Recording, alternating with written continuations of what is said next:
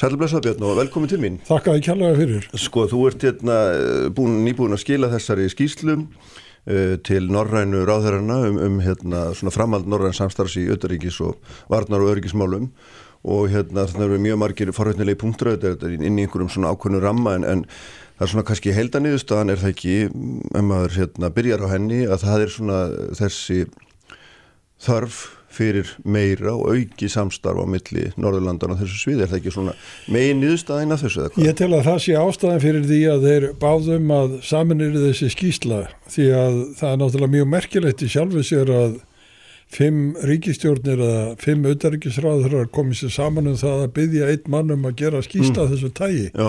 sem sínir náttúrulega samstarfið mjög náið og þeir vilja þróa það áfram og taka þarna fyrir þrjá málaflokka, lofslagsmálin, eh, fjölþátt á ógnir og netöryggi og síðan fjölþjóðlegt samstarf og alþjóðan lög. Þannig að ég tel að með þessu sé verið að stíga enneitt skrefið til þess að þjætta norrænt samstarf og eh, bendi til þess eins og þú segir að þeir vilji að það verði ennþá nánara og þegar skoðað er hvað Norræn samvinna nýtur mikil stuðnings í mm. aðeldar þjóðunum að hjá aðeldar þjóðunum að þá kemur það í sjálf sér ekki óvart að menn líta þetta og sérstaklega finnst mér aðteglisvert að sjá hvað samstarf þjóðarna í örgismálum nýtur mikil stuðnings. Já, það kemur þetta fram í, held ég, loka orðunvinum að, hérna, að, að þú hefur sannfærst enn frekar um gildi norðan samstarfs eftir þú varst búin að skoða allir þessi gögn og fara í gegnum all, þau samtölu sem þú áttur við fólkur framvegis. Nei, ef aðeins eitthvað um það fyrirfram eða hvernig, svona, hvernig komst það að þessu? Ég hef nú aldrei verið beint þáttakandi í norðinu stjórnmálasamstarfi ekki á þingi, ég hef satt aldrei í Norðurlandaráði og var að vísu sem bæði mentamálar á þeirra og einnig sem dómsmálar á þeirra þáttakandi í norðinu samstarf og því þeim sviðum en ég má taka það fram að ég hef ekki verið svona má segja norrætt stjórnmálamadur í þeim skilningi að ég hafi verið þáttakandi í Norrlandar á þingum og ekki haft beina afskipti af þeim málefnum. Þannig að ég kem að þessu frá mínum sjónarhóli sem hefur verið frekar í öryggis og vartanmálum mm.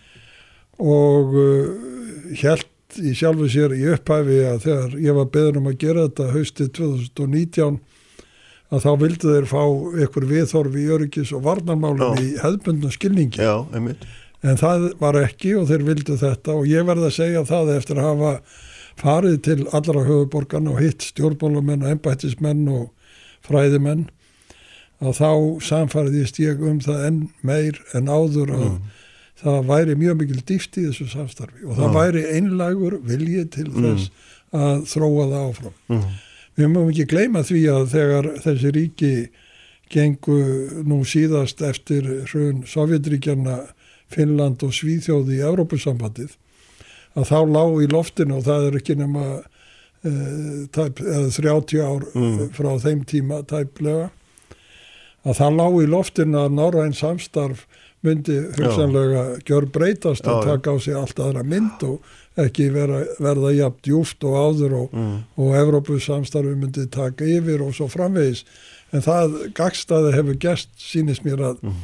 að Norðurlöndin átt að segja á því að með því að koma fram sameigilega þótt að mm. við séum normenn og, og Íslandingar utan ESB að með því að koma fram sameigilega með ákveði sjónamiða þá hefur það mikla vikt mm. og þess vegna er þessi áhugi á held ég að auka norrænt samstarf núna að með sjá að, að samstarf þjóða á ákveðinu svæði hefur eh, vikt í alþjóðlegu tilliti. Já, einmitt og, og þú ert svona hérna mjög ákáru eða áfram um að í öllum þessum máluflokkur sem þú ert að fjallum það sé hægt að auka þetta samstarf verulega og styrkja og dýfka og allan allar, allavega og kannski sérstaklega sko í norðurslóðamálunum er það ekki? Jú, norðurslóðamálun og það sem er að gerast á norðurslóðum og breytingarna sem er að verða hér í okkar heimslauta þegar lítið til norðurs eru náttúrulega svo miklar að menn átt að sé ekki enþá á því hvað í raun og veru gerist eða framlýða stundir og þegar beðið um álit á lofslagsmálum mm. að þá er náttúrulega öðrum þræði verið að tala um þessi, Ná, þessi atriði, þessi atriði því að það, breytingar þar hafa leitt til þess að auðlindanýting mm. er auðveldari, siglingar er aukast og áhugi stórveldana er að aukast. Mm. Það kemur fram allstaðar að á Norðurlöndunum vilja menn halda þessu sem lágspennu svæði. Já. Þá er átt við að þeir vilja ekki að þarna verði eitthvað stórvelda samkeppni sem raski uh, því kerfi sem ríkir. Mm. En það er bara hinn hlýðin á þessum peningu er að það er að verða stórvelda samkeppni. Já, já. Og það er ekki bara að við erum þarna með náttúrulega stórveldin Bandaríkin og, og Rúsland og heldur er, er, er Kína að sækja en mm. að meiri þunga inn á þetta svæði Já. Og talar um sjálfsig, kynverjar tala um sjálfa sig sem nágranna norðurskóitsins og telja að þeir eigi eitthvað rétt til afskipta vegna þess. Já, einmitt sem að þú leggst nú eða alveg gegn, sínist mér í þessum tilum og talar um um að, að þjóðunar þurfi að sko, koma sér upp samrændri stefnu eða gegn þessum svona að, þessari, hérna, hvað maður segja, áhrif og sækni, kínverja. Já, ég tel að, að við verðum að hafa það í huga, það eru áttaríki norðurskóitsráðinu mm. Og fimm þeirra eru Norðurlöndin. Mm þannig að segjum að þetta var í líraðislegu vettvangur þar sem atkvæðir ég og þá Já. getur Norrlundir á þið mjög miklu og þau fara með formensku tvö ári í senn mm. þannig að þau eru í fórustu í þessu samstarfi eh, langan tíma þegar litið er yfir ára fjölda en, mm. en eh, áhrifin rúsar hafa náttúrulega fært sig upp á skaftið, má segja þeir hafa fært eh, auðlindanýtinguna mjög til norðus og það virðist vera augljóst að kemur nú fram að er orðað í skýslunni mm -hmm. þannig að á skömmun tíma allir er að ná sem mest út úr því sem þeir geta náð á norður slóðum og eftir að þeir voru settir svona í einangrun af Vesturlöndum að þá hafa þeir leita til Kína og kýmverjar eru jú komnir með gasflutninga frá, frá norður hjara Rúslands til, mm. til Kína og er að byggja skip og er að, að, að leiðslur, gasleiðslur, rísa framkvæmdir og hafa fjárfest þar í gasvinslu. Uh, af því að í lofslagsmálunum þá tóast annars vegar á að nýta þessar, þessar auðlindir og hins vegar að finna nýja orkulega. Þannig að rúsarnir er varðandi ólíuleitina og ólíuna á þessum slóðum að þá kannski hugsa þeir eins og sáti arabar, heyrðu við erum á síðasta snúning, það mm. er að breytast þannig viðhorfið að við verðum að bú okkur undir að nýjur orkugjafar komið til sögunar Já.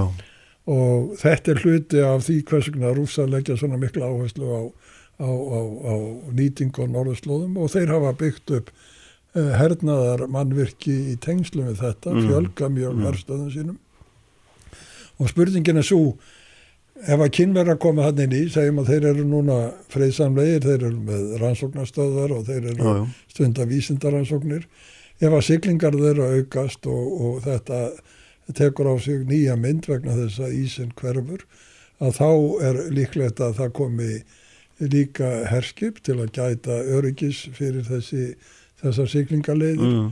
og þar með er náttúrulega spádóma líka núnum það að þetta hafsvæði okkar hér á Íslandi í kringum Ísland, Gíokliðið og allt þetta svæði mm. takja á sig nýja mynd. Já. Þannig að undir þetta verða menn að búa sig en það segir ekki að það sé hættulegt endilega en Nei. þetta er þó þess eðlis, við sjáum náttúrulega hvernig kynverða... Svona einhver ástæða til tortrykni greinlega finnst þér eða hvað? Já, mér finnst það, já, ég menna það er líkur alveg hlutarins eðlefa menn velta fyrir sér hvað er að gerast mm. að sjáu sjáðu Hong Kong núna þessar dagana ég meina hver bjóstu því þegar breytar afhendu Hong mhm. Kong 97 árið 2020 og þá var ég bara verið að opna mm.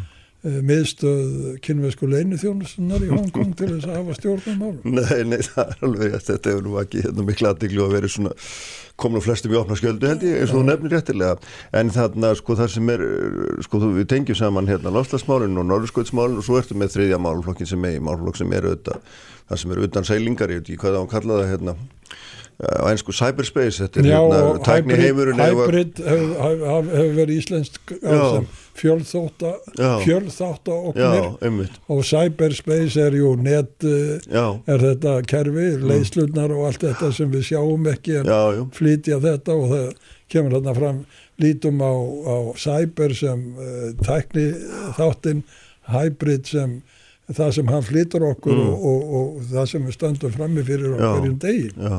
Og þarna nota menn líka og þú notar líka hugtæki stríð um þetta svæði Já.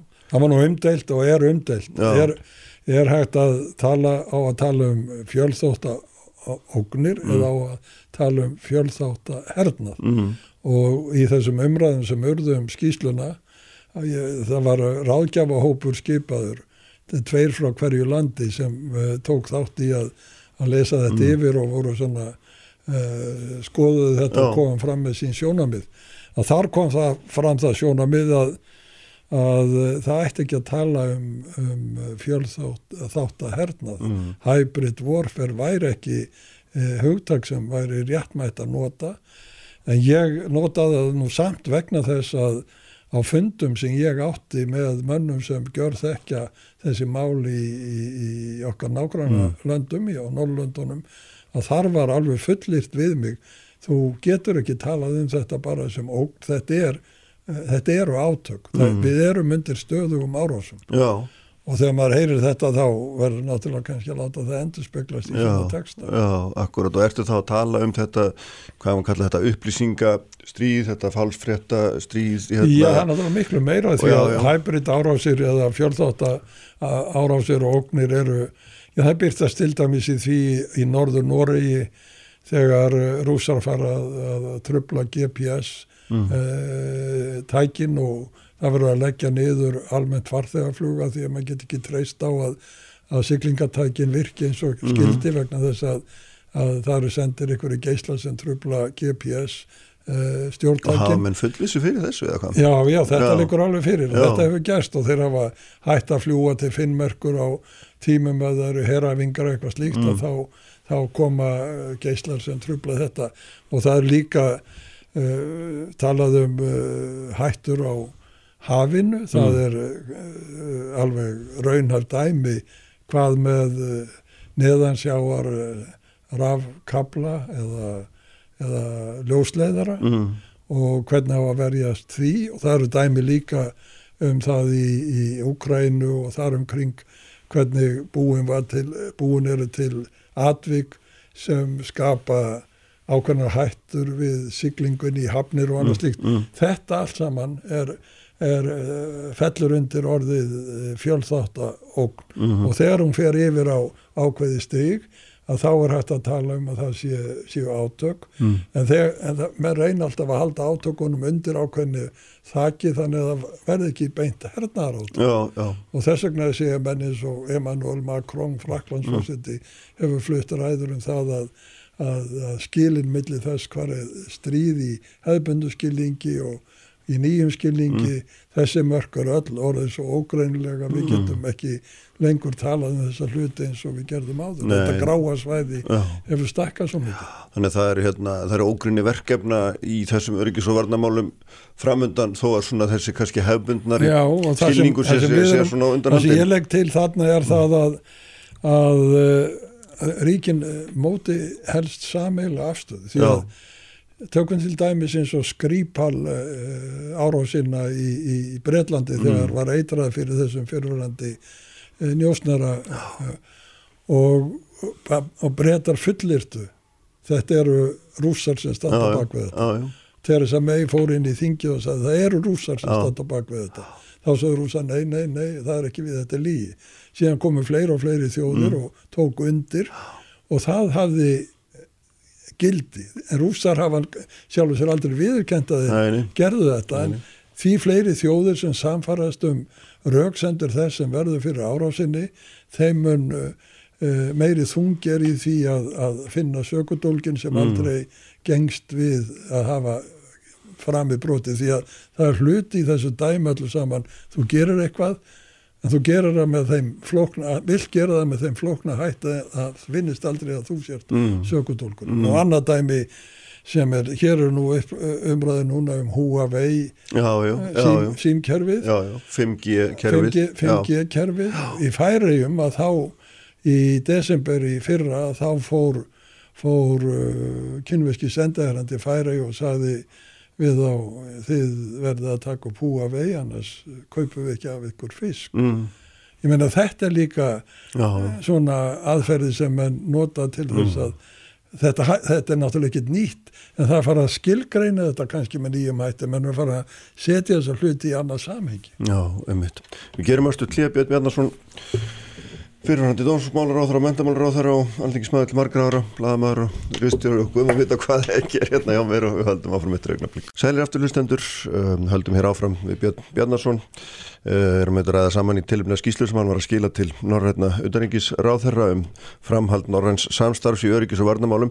Uh, mér langar aðeins svona kannski Björn að ég má hérna uh, svona víkja aðeins út af skýslunni og, og, og, spyrja þeir bara svona því þú hefur svo lengi skrifað um utanringismál og þessi málaði sko hérna og auðvitað er þessi skýsla skrifuð inn í eitthvað samhengi, það er, það er augljóst heimurinn er að breytast og, og hérna og, og svona bara kannski ein líkil spurning í ögnumblinginu, hver er leiðtói hins vestræna heims að þínum að þessu stendur? Já, það er nú það sem er vandinn. En það er, kemur við komum inn á því Já. þegar þú tellir að þetta sé fyrir utan við skýsluna en það Já, er já, ekki því að við erum að fjalla þarna um fjölþjóðlegt Já, já, já, og alþjóða lög og reglur. Mm, og við segjum að það sé þannig að það kerfi sem var byggt upp eftir síðari heimstyrjöldina og bandaríkjaman Mm. höfðu fórustum að, að kom, komst á lakirnar og dug, hefur dugað vel að það kerfi á undir högg að sækja. Já, og meðal annars vegna þess að bandaríkja stjórn núverandi hefur svona dreigið sig út úr því fórustum hlutverki sem hún hefur gengt í þessu. Og Evrópuríkin eins og við vitum uh, eiga erfitt með að saminast og á þessum tíma sem við lifum núna að þá er nú Bretland að draga sig út úr Evrópusambandinu Angela Merkel að hætta sem kanslari Já, Þískalands já, og menn eiga endur högg að sækja og það er náttúrulega svo sérstakt ástand núna út af að já. það er nú kannski ekki hægt að að dæma, ekki að dæma alveg út frá því. Nei, nei, en þarna vantar ákveðna fórustu já, og það vantar líka uh, inn í alþjóðasamstarfið og þá koma kynverjar og fylla tómarum og við sjáum þess að deilur um og stofnunina mm, og menn segja já kynverjar hafa náð þar undir tökunum og vegna áhrifa þeirra þá hefur stofnunum ekki starfað sem skildi en ef að aðrar þjóður eins og bandarækjum með draga sig út úr stofnunni og, og, og það veikist úr fórusta sem þeir hafa veitt að þá eh, fer þetta á verri veg. Og það er það sem er að gerast að, að kynverjar segja sem svo herðu, jú, jú, við komum ekki að því að, að, að setja þessar stofnunir á fót. Við áttum engan þátt í því að gera þessar uh, grunnreglur sem gilda hérna. Og þið getur vel starfað eftir þeim. En við erum bara líka með okkar sjónamið og þau verða að, að njóta, njóta sín í alþjóðlegu samstarfi. Mhm, og þau sjónamið stangast ofta á við það sem eru grundvallar skoðanir Norðurlanda þjóðana um það hvernig þjóðir eiga að starfa saman. Já, og það er sagt að frjálslindar líðræðis þjóðir eigendur högg að sækja í, í, núverandi e, þróun og ég tek undir það sjónamið og það er Já. það sem við erum að við erum ekkit að fjalla um það endilega að, að uh, Norrlöndu þurfa að breyta um stefnu, við erum ekki að segja að Norrlöndin og gildi Norðurlandana og allt þetta sé ekki rétt og eigi ekki fulla rétt á sér og eigi ekki að, að halda áfram að dafna. Það sem við erum kannski að benda á og ég benda á í skýslunni, hvaða leiðir eigum við að nota til þess að koma þessum sjónamöðum á framfæri? já, Hvernig eigum við að efla starf sendir það? Hvernig eigum við- að efla starf alþjóða fastanemda og hvaða aðferðum eigum við að beita? mm, Eh, eigum við að beita samfélagsmiðlunum uh, og það er lagt til að það verði leita til ráðgjafa í almannatengslum og, og notkun samfélagsmiðla til þess að kenna uh, diplomötunum að, að, að nýta allar þessar leiði til þess að koma báskapnum á Mm. framfæri. En það sem er svona, sko, þú, þið leggir til eða þú að, að hérna, Norrlandi nýti sér fjölþjóðarsamstarf áfram og séu hérna með virk þar en við sjáum leið eins og nefnir réttilega að það er að svona aðeins að grafa undan því augnablíkinu og hérna og maður veldi fyrir sig líka í þessu sko hérna nú höfur núrendi bandaríkfósti setju völd nánast fjögur ár og, og svona hérna farið fram með allt sem hann hefur farið fram og svona á einhverjum tímabúndi hljóðildamins eins og Íslandingar þurfa að endur skoða samstarfsitt, endur skoða hugmyndi sínar um þessa nágrannar sín og, og svo kvölduðu vina þjóð og, og mér finnst það svona, það kemur ekki kannski beint framhjöður í skýslunni að það þurfi eitthvað að velta þessu fyrir sér. Ég tel að það sé, ég bandaríkjafósiti og hans stefna er staðrind sem við uh, búum við og, Mm. og hann má halda henni til streitu og hann uh, er að berjast fyrir lífi sína og pólitísku vettvangi heima fyrir og hann fylgir þeirri stefnu sem hann telur nöðsulega til þess að höfða til sinna kjósenda, það Mm. er alveg ljóst Mm. og hann beitir öllum ráðum og við leðum þess að bækur sem hafa verið skrifaðar Já, og, og hvernig hann, eh, hvernig hann hvaða aðferðum hann beitir til þess að, að vinna málstað sínum fylgis í vonum að nái endurkjöri. Og það er uh, uh, mál út af fyrir sig sem uh, við eigum sjálfur sér kannski ekkert að vera að skipta okkur að. Það Mm. er bara ba mál bandaríkjana það sem við þurfum að hafa í huga er það svo í raun og veru þegar litið er á kjarnamálsins að bandaríkjamenn fyrir utan að, að, að, að draga sig í hlje í alþjóðastofnunum og láta öðruvísa að sér kveða að það hefði gjör breyst ykkur, ykkur grunn sjónamið sem eh, standa fyrir uh, samstarfi Mm. okkar við bandarísku þjóðina og bandaríkin.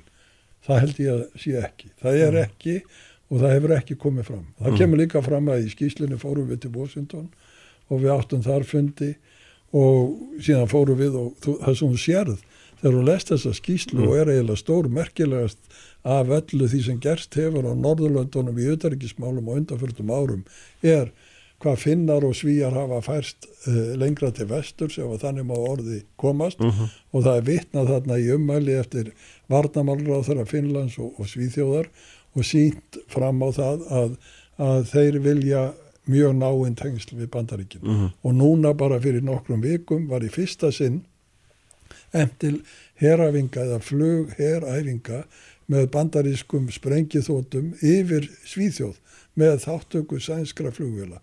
Allt þetta sýnir að það er ákveðnir, eitt er að bandaríkjafósiti hafi sína skoðun, Mhm. annað að bandaríkjaman sé að gæta Er hagsmuna. þú út að segja við þurfum bara að býða hann af okkur? Er það Nei, það nei, sem þú er ekki, að segja? ég er ekki að segja það, hann Nei. getur, það má endur kjöra hann, kjósa hann, Já, já. ég stið hann ekki, Nei. það má endur kjósa hann og ég held að þetta breytist, þetta, Mm. landafræðin breytist ekki, hagsmunagæslan breytist Mm. ekki og ég held að það sem er um að ræða að bandaríkjumenn er ekki eins uppteknir á rússum eins og þeir voru þegar Sovjetryggin voru upp á sitt besta, Mm. þeir eru miklu uppteknari af, af, af, af, af kynverjum og líta og ég held að fleiri og fleiri líta á rússa sem þjóð sem stendur á brauðfótum efnahagslega en uh, nýtur núna stuðnings uh, kynverja og, og geng, þeir ganga ýmsuleiti kannski erinda sem er- eru þóknanlega kynverjum. Mm. Þetta, þessi myndall er fjallað, þetta er fjallað um í viðauka við þessa skýslaða sem þessi mynd er dregin upp og Mm. fyrir okkur sem höfum fylgst með þróun uh, uh, utarikismála og alþjóðamála og herrmála hér á Norður Allasæfi í áratugum saman þá var sagan svolítið að endur taka sig Mhm. og bandaríkjamenn hafa ekki dreigið sér í hlýja bandaríkjamenn virðast frekar vera að færa sig upp á skaftið Mhm. ef þú lítur til dæmis til Grænlands en það er nú reyndar opnar- nýtilkomið aftur er það ekki eftir, að þeir hörfu daldið og svona hérna, Jú, sér, það var þegar bandaríkjamenn lokuðu keflaugustöðinni Mm. á þeim árum þá var litið þannig á að, að rússar væru bandamenn Já, og að, já. að rúsneski flotin væri máttlus og einskins megnur. Það er eftir Nánast 2014 þeir ætti að gangi NATO var Jú, ekki á það var náttúrulega stofnað, já. stofnað til þess en þeir vildu það ekki en, en, en, en eftir 2014 og eftir að þeir byrjuðu þetta í Úkrænu að þá hefur þetta allt gjör breyst og, og, og að heyra ég var í sænska þinginu þegar sænski utarkisrarar flutti sína skýslum utarkismál og þegar hún sagði núna í, í, í, februar Mm. uh, brínasta um, uh, málefni okkar í örgismálum er að treysta tengsli við bandaríkin. Já. Þannig að ég held að með verði að alveg að átta sig á því að Norðurlöndin og bandaríkin hafa mikla sameiginlega hagsmunni. Mhm. hvað sem líður okkar skoðunum á, á, á Trump, hann og bandaríkjum að verða að ráða sínum stjórnendum mm. sjálfur mm. en það hefur ekkert brostið þannig að, að það sé komin ykkur þverbrestur, þvert á móti má segja að, að Norðurlöndir hafi saminast um stefnu mm. sem stendur mun nær bandaríkjónum eða vestrænum mm. varnarhagsmunum núna heldur en var fyrir fáunum ár. Mm. Þannig að svona megin nýðustöðan af þessu myndi þá vera svo að þú hefur með þessum rannsóknum þínum aðtugunum samfast enn frekar um gildi norræns samstarfs en þú telur ekki að, að svona það sérstaklega og aðra hræninga verður til þess að Íslendingar þurfu ekkert með svona trista meira á það en að láta annað þá hlýðar frekar sem að Nei, ég tel ekki, ég tel hins vegar að Íslandingar eigi að leggja sér fram um það að, að þegar Norrlöndin eru komin að eru sama sinnisorðin mm. í þessum varnar og örgismálum eins og er núna að þá eigum við að, að styrkja stöð okkar sem vestasti hluti þessa samstarfs og við eigum að, að, að taka allar okkar ákvarðanir í þessum málum með hlýðsjóna því að við erum að tryggja öryggi nágrann okkar á Norrlöndunum og við erum líka með grænlendinga og færiðinga við hlýðina okkur og við eigum að sjá til þess að hérna ríkja áfram stöðuleiki og engin óvisa og það mm. að mennum takist ekki að koma hér með einhverja fleiga og, og brjóta þetta upp í, út af einhverjum farsímakerfum eða eitthvað mm, mm. Ljómandi, ég held við látum þetta vera loka orðinu sinni við, takk fyrir að koma. Sprengisandur á bylgjunni. Sælir, hlustendur góði Björn Bjarnason fyrir randi menta og dónsmúlur á þeirra farin frá mér eftir þessa frálegu yfirferðum um svona stöðu okkar í auðvitaðningsmálum bæði tengt Norrlöndum og reyndar síðan miklu víðar í síðar hluta samtalsins. Ég ætla að venda mínu hvaði krossnuna því Skúli Magnússon hér að stómari sestur hérna hjá mér. Sælir blessa Skúli og velkomin Já, takk fyrir. Uh, Við ætlum að fjalla um, um, uh, um hérna nýjar nýjar hugmyndir í stjórnarskránmálum sem þú eiginlega skrifaði fyrir hand uh, formanna stjórnmála, stjórnmálaflokkana held ég mér sjótt segja og það eru komna inn í samræðskáttina núna. Uh, þá er þetta semst frumvarp eða verður það vantarlega með þá þeim breytingum sem hugsanlega verða því gerðar og hérna það er verið að gera breytingar á öðrum kapla stjórnarskrána en það sem meðal annars er fjallaðan um fórsetta Íslands ríkistjórn, verkefni, framkvæmda og alls og fleira og, og hérna og ég uh, hjó eftir því að þú talar um að að það væri svona verið að leita sátta í málunum frekar en sundrungur þarna væri svona, þetta væri kannski tilugur sem að væri kannski ekki beinlegin svona óskatilugur neins en, en einhvers konar málamilun og það sem okkur, eða mér langaði að ræða við því er þetta, sko, er fórsetakablin vegna þess að nú erum við nýbúin að kjósa fórseta og hann hafði nú sjálfur mm. líst yfir áhyggjum af ýmsum þeim ákvæðum sem hann snerta með strax eftir hann var kjörinn. Mm. Og það hefur ekkert gæst í mildtíðinum sko hérna, ef þú ferði yfir það svona bara östut með mér, hvað, hvaða svona helstu breytingar og af hverju og til hvers á, á því nákvæmlega? Já, takk fyrir að bjóða mér í, í þáttin til, til þess að ræða þetta, þetta mál sem mér er nú verið hugleikið í, í allmörg ár mm.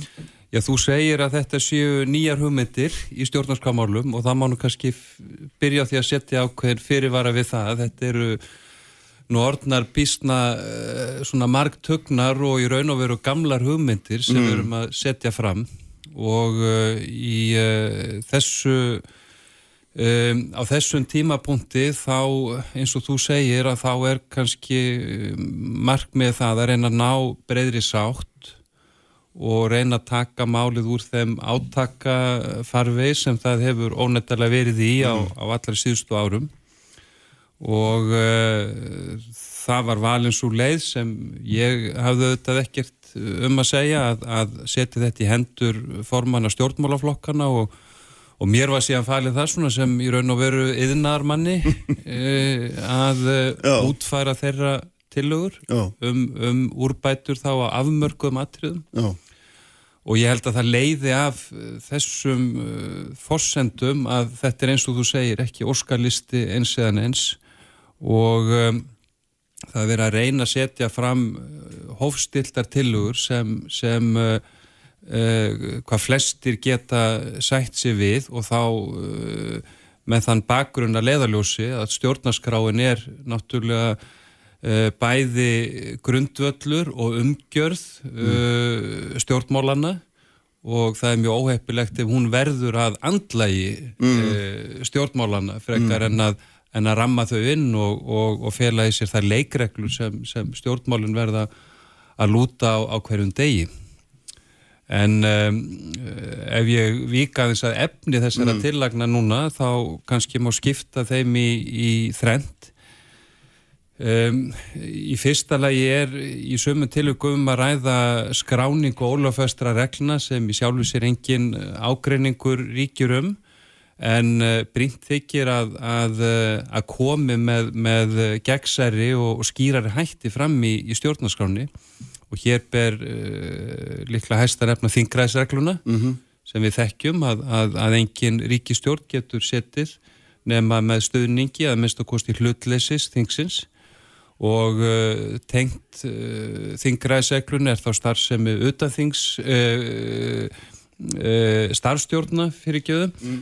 og, um, og um, þessa reglur er verið að lögfesta, skrásetja, auðvitað er ekki útiloka að þetta hafi einhverjar breytingar en það er í sjálfsvegar ekki markmið. Um, uh, þetta eru til dæmis reglur sem koma með skýrum hætti fram í stjórnarskrá Dana frá 1953 og ég held að allir hafi verið sammálu um að þurfti að, að ætti að, ættu að koma með skýrar hætti fram í, í okkar stjórnarskrá. Nú í öðrum, í öðru lægi er um að ræða úrbætur á göllum sem, sem hefur þá verið bent á eða hafa, hafa komið fram í, í, í framkvæmt mm. á undanförnum áratugum eða þá mjög hófstiltar breytingar, ég er svona að setja þetta saman í eitt flokk og þetta er kannski snæsti hlutin í þessu frumvarfi. Uh -huh. uh, þarna eru við til dæmis með uh, ákvæðum um, um, um ríkistjórnafundi og hlutverk fósettis á þeirra sem mm -hmm. er mhm. styrt Já, þannig að uh, ríkistjórnin virkir meira eins og held er það ekki rétt jú, skilið heldur en svona hver á þeirra sé að pukli sínu hodni Jú, það er, það er verið að, að uh, vinna út frá því vandamáli getur við sagt mm. að uh, á stundum kemur ríkistjórnin ekki fram sem einn heild mm. og, og ráþirarnir virast þeirra að vinna svona, já, jafnvel frekkar á móti hverjum öðrum frekkar en með hverjum öðrum og og þannig er ekki verið að gera neina grundvallabreitingar en það er verið að, að styrkja umsjónar og samramingar hlutverk fórsættis á þeirra mm -hmm. þannig að, að e, í þessu fels getur við sagt kvartning og ráðagerð til þess að það séu þá hugsaðlega settar ítalir reglur og menn upplifi sig einni e, þannig sem ráð þeirra þeir séu hluti af ríkistjórn mm -hmm. en ekki e, svona eins konar uh, smá konungar yfir, yfir einhverju tilteknu málefnusviðum mm -hmm.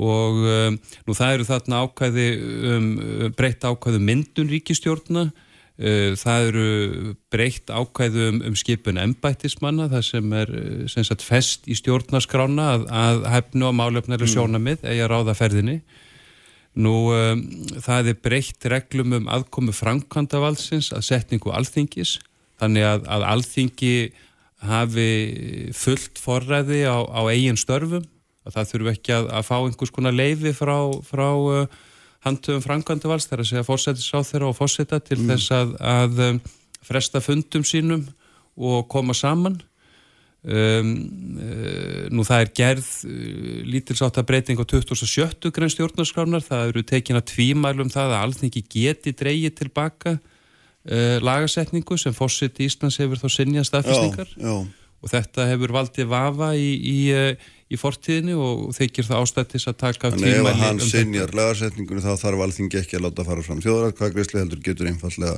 látið málinniðu fallega sem að segja. Þa, það getur, lát, það, það getur sagt, gert það sem það gerði 2004 þegar svo kallar uh, fjölmjölarlög voru, voru feldur gildi mm -hmm. og, og ákveði var að þjóðar hvað greiðsla fær ekki fram. En það, var, það olli eh, deilum á sínum tíma mm -hmm. og, um, og þetta er, þetta, þannig eru þá tekin að tvímælum þetta þannig að þetta er þá dæmi um, um uh, já, uh, við getum ekki neyta því að þetta sé breyting en hún er í sjálfu sér ekki afdrifa mikil eða, eða róttak Nú, það, það mætti halda hér áfram um mm. þessi atrið þar sem er verið að bæta úr göllum eða skýra stjórnarskrána þarna er, eru ör, örlítið breytta reglur um þingurof um, nú það er ákveðum um ríkisagsóknara um, það er afnuminn afnumdar gamla reglur um, um að fósiti veiti undan þáur frá lögum mm. uh, geti felt niður sagsókn uh, þetta, þetta eru sagt, svona já, allt saman atrið sem að mínum mm. ætti, ætti ekki að valda miklum mm. deilum en, en þó er nú aldrei að vita í, í, í þessu nei, nei. Í, í þessu, þessu, nei, En er, er staða fórsetans ef við segjum nú bara þetta færi óbreytt í gegn er hún þá orðin miklu skýrari er hann með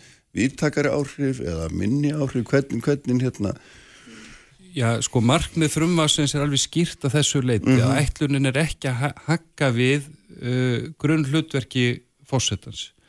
Það eru hins vegar, eh, og þá í þriðarlega, þessi þriðiflokkur, mm. uh, það eru gerðar uh, tilur umbreytingar mm. og það er lúta að, að kjörtímabili fórseta sem eru þá sex ár og síðan þá banni við því að, að, að fórseti sitjil fleiri en tvö kjörtímabil í röð og, og síðan í öðru lagi eru þarna breytt ákvæðan ráþir ábyrð. Mm -hmm.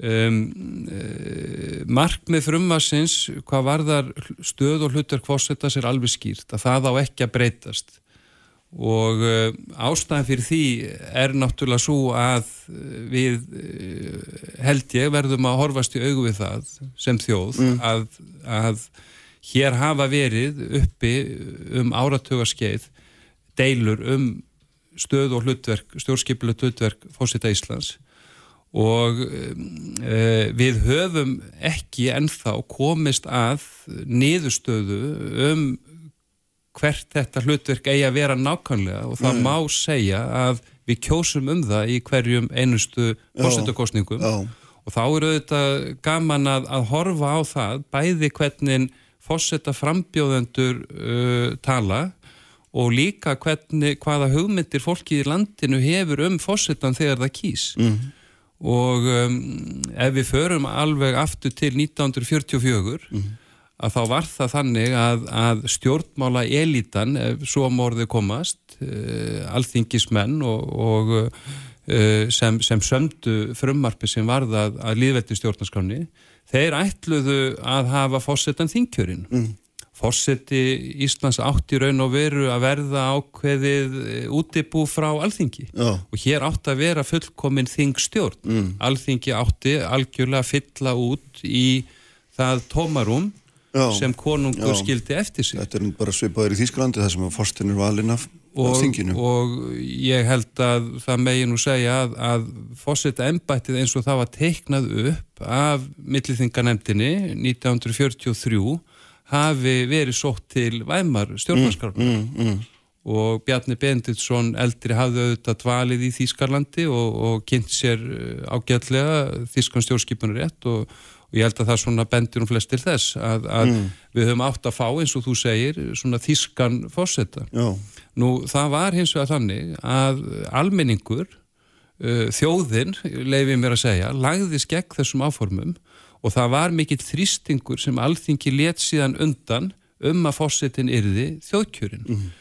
Nú, uh, það má segja að, að eh, upp úr þessu spretti, hvað ég var að segja, stjórnskipuna réttur alþýðunar á Íslandi mm -hmm. sem er sá að fórsetin hafi ótfýrætt stjórnskipilegt hlutverk, hann hefur að sjálfsögðu þetta tákgræna hlutverk, hann, hann er, eh, er ták samstöðu og eininga ríkisins en hann hefur einnig þetta stjórnskipula hlutverk sem er að vaka yfir hagsmunu þjóðarinnar og beita valdi sínu sem er raunverulegt mm -hmm. ef uh, til þess þarf að koma. Oh. Og, um, og við þessu er ekki hróplað núna við, við þessu er ekki hróplað en það sem er aðteglisvert er auðvitað að um þetta var deilt á alþingi 43-44 mm -hmm. Þótt að uh, alþingi leti undan þessum þrýstingi almennings að þá var það alls ekki þannig að stjórnmála elitan mm. væri eitthvað sérstaklega ánað með ja. það að hafa fengið þennan fósita og fyrsti fósitin var auðvitað Sveit Björnsson Jú. sem var mjög sterkur uh, hafi verið ríkistjóri hafi myndað utan þingstjórn Uh, var síður en svo vinsæl af, uh, af ymsum alþingismönnum og ráðamönnum og uh, auðvitað óttað, óttuðust menn að fósettin yrði of sterkur og áhuga mhm, mikill mm -hmm. og það má segja held ég að sá ótti sé enn fyrir hendi Já. og hann endur speiklast einnig í umfjöllun ímessa fræðimanna um stjórnskipunarétt sem hafa ju verið nátengtir þessari sömu stjórnmóla elitu og ég nefndi á þann en, er, já, já. En, en er sko hérna að því að nú er eitt af því sem að sko hérna og var í beini framaldi og tala um það er auðvitað þetta, þetta þessi fína lína á milli fórsetans og ráðherrana þar sem að hérna fórsetin framselur og allt sitt felur ráðherra, felur ráðherra hitt og þetta. Og, og það er samt engin tilrönd gerð hér til þess að streika på fórsetan út í aðtöfnum sem að eru de facto ekki á hans sviði í raun og veru. Menn af hverju er ekki svo leið farin? Þetta er það sem að veldur og, og til að mynda nú er undir fórsta miklu hugarangri þegar hann þurft að skrifa undir hérna sakarupgjöf eh, barnanýðings og hann hérna hafði ekkert um það að segja og þurfti bara einhvern veginn fórsins vegna að vera á því og þetta hérna og svo framvegi sko Já, nú, nú vil ég nú kannski síðu tjá mig um einstakar Nei, ég veit að ég, ég, ég, það er ekkert að byggja um það, en, þessi en, lína hann á milli bara. Já, en, en uh, sko, við, það, er, það er mikilvægt að fólk ger sér grein fyrir því að það er munur annarsvegar á sinjunum fósetta gagvart lögum mm. sem stiðst við sérstakka heimil, 2017 grann stjórnarskarnar heimild sem var í raun og veru klæðskera saumuð og úthugsuð, mm. uh, leif ég mér að segja, 1944 Hins er við með uh, aðtapni fósettans á sviði Frankandavalds. Það er eins og þú nefnir, það getur verið uh, uppreysna æru, það getur verið, verið skipanir dómara, það getur verið, uh, verið framlægning stjórnafrömmars, uh, það getur verið uh, staðfesting milliríkjasamnings og það getur verið þingróf. Mm -hmm og uh, þarna bendir þú réttilega á að, að, að fossetin feli, uh, stjórnarskafan feli fosseta í orði hvernu uh, þessi, þessar aðtæfnir en svo í raun og veru sé þetta ráð þeirra sem, sem, sem ráði ferðinni. Og það er alveg rétt almennt séð að fosseti fer að tilugur á þeirra mm. Það, það er okkar stjórnskipun að venja og það hefur engin uh, íslensku stjórnmálum að bóði sér fram til fósittan en að vera skildi Guðmundur Franklin núna síðast mm, mm. sem hefur ætlað sér, hefur haft það á stefnuskáni að nýta sér þetta formlega fósittavald. Hins vegar er það þannig að við óvinnulegar aðstæður þá getur komið til þess að fósiti taki uh, yfirvegað á raukstöta afstöðu til tilúr á þeirra og og skrif ekki undir hana uh, sjálfkrafa. Mm -hmm. og dæmum það eru einmitt þau dæmi sem þú nefnir úr tíð uh, núverandi fósetta það eru uppreysna æru. Nú það er það er skipun dómara við landsett þar sem að, að fósetti taldi að sér væri ekki snætt á því að fara til úr á þeirra nema að hafa eh, rannsakað málið með sjálfstæðum hætti mm -hmm. og svo geta ymsi delt um það hvort að það hefði verið fullnændi rannsókn og, og hvort að það hefði átt að standa öðruvísi af því.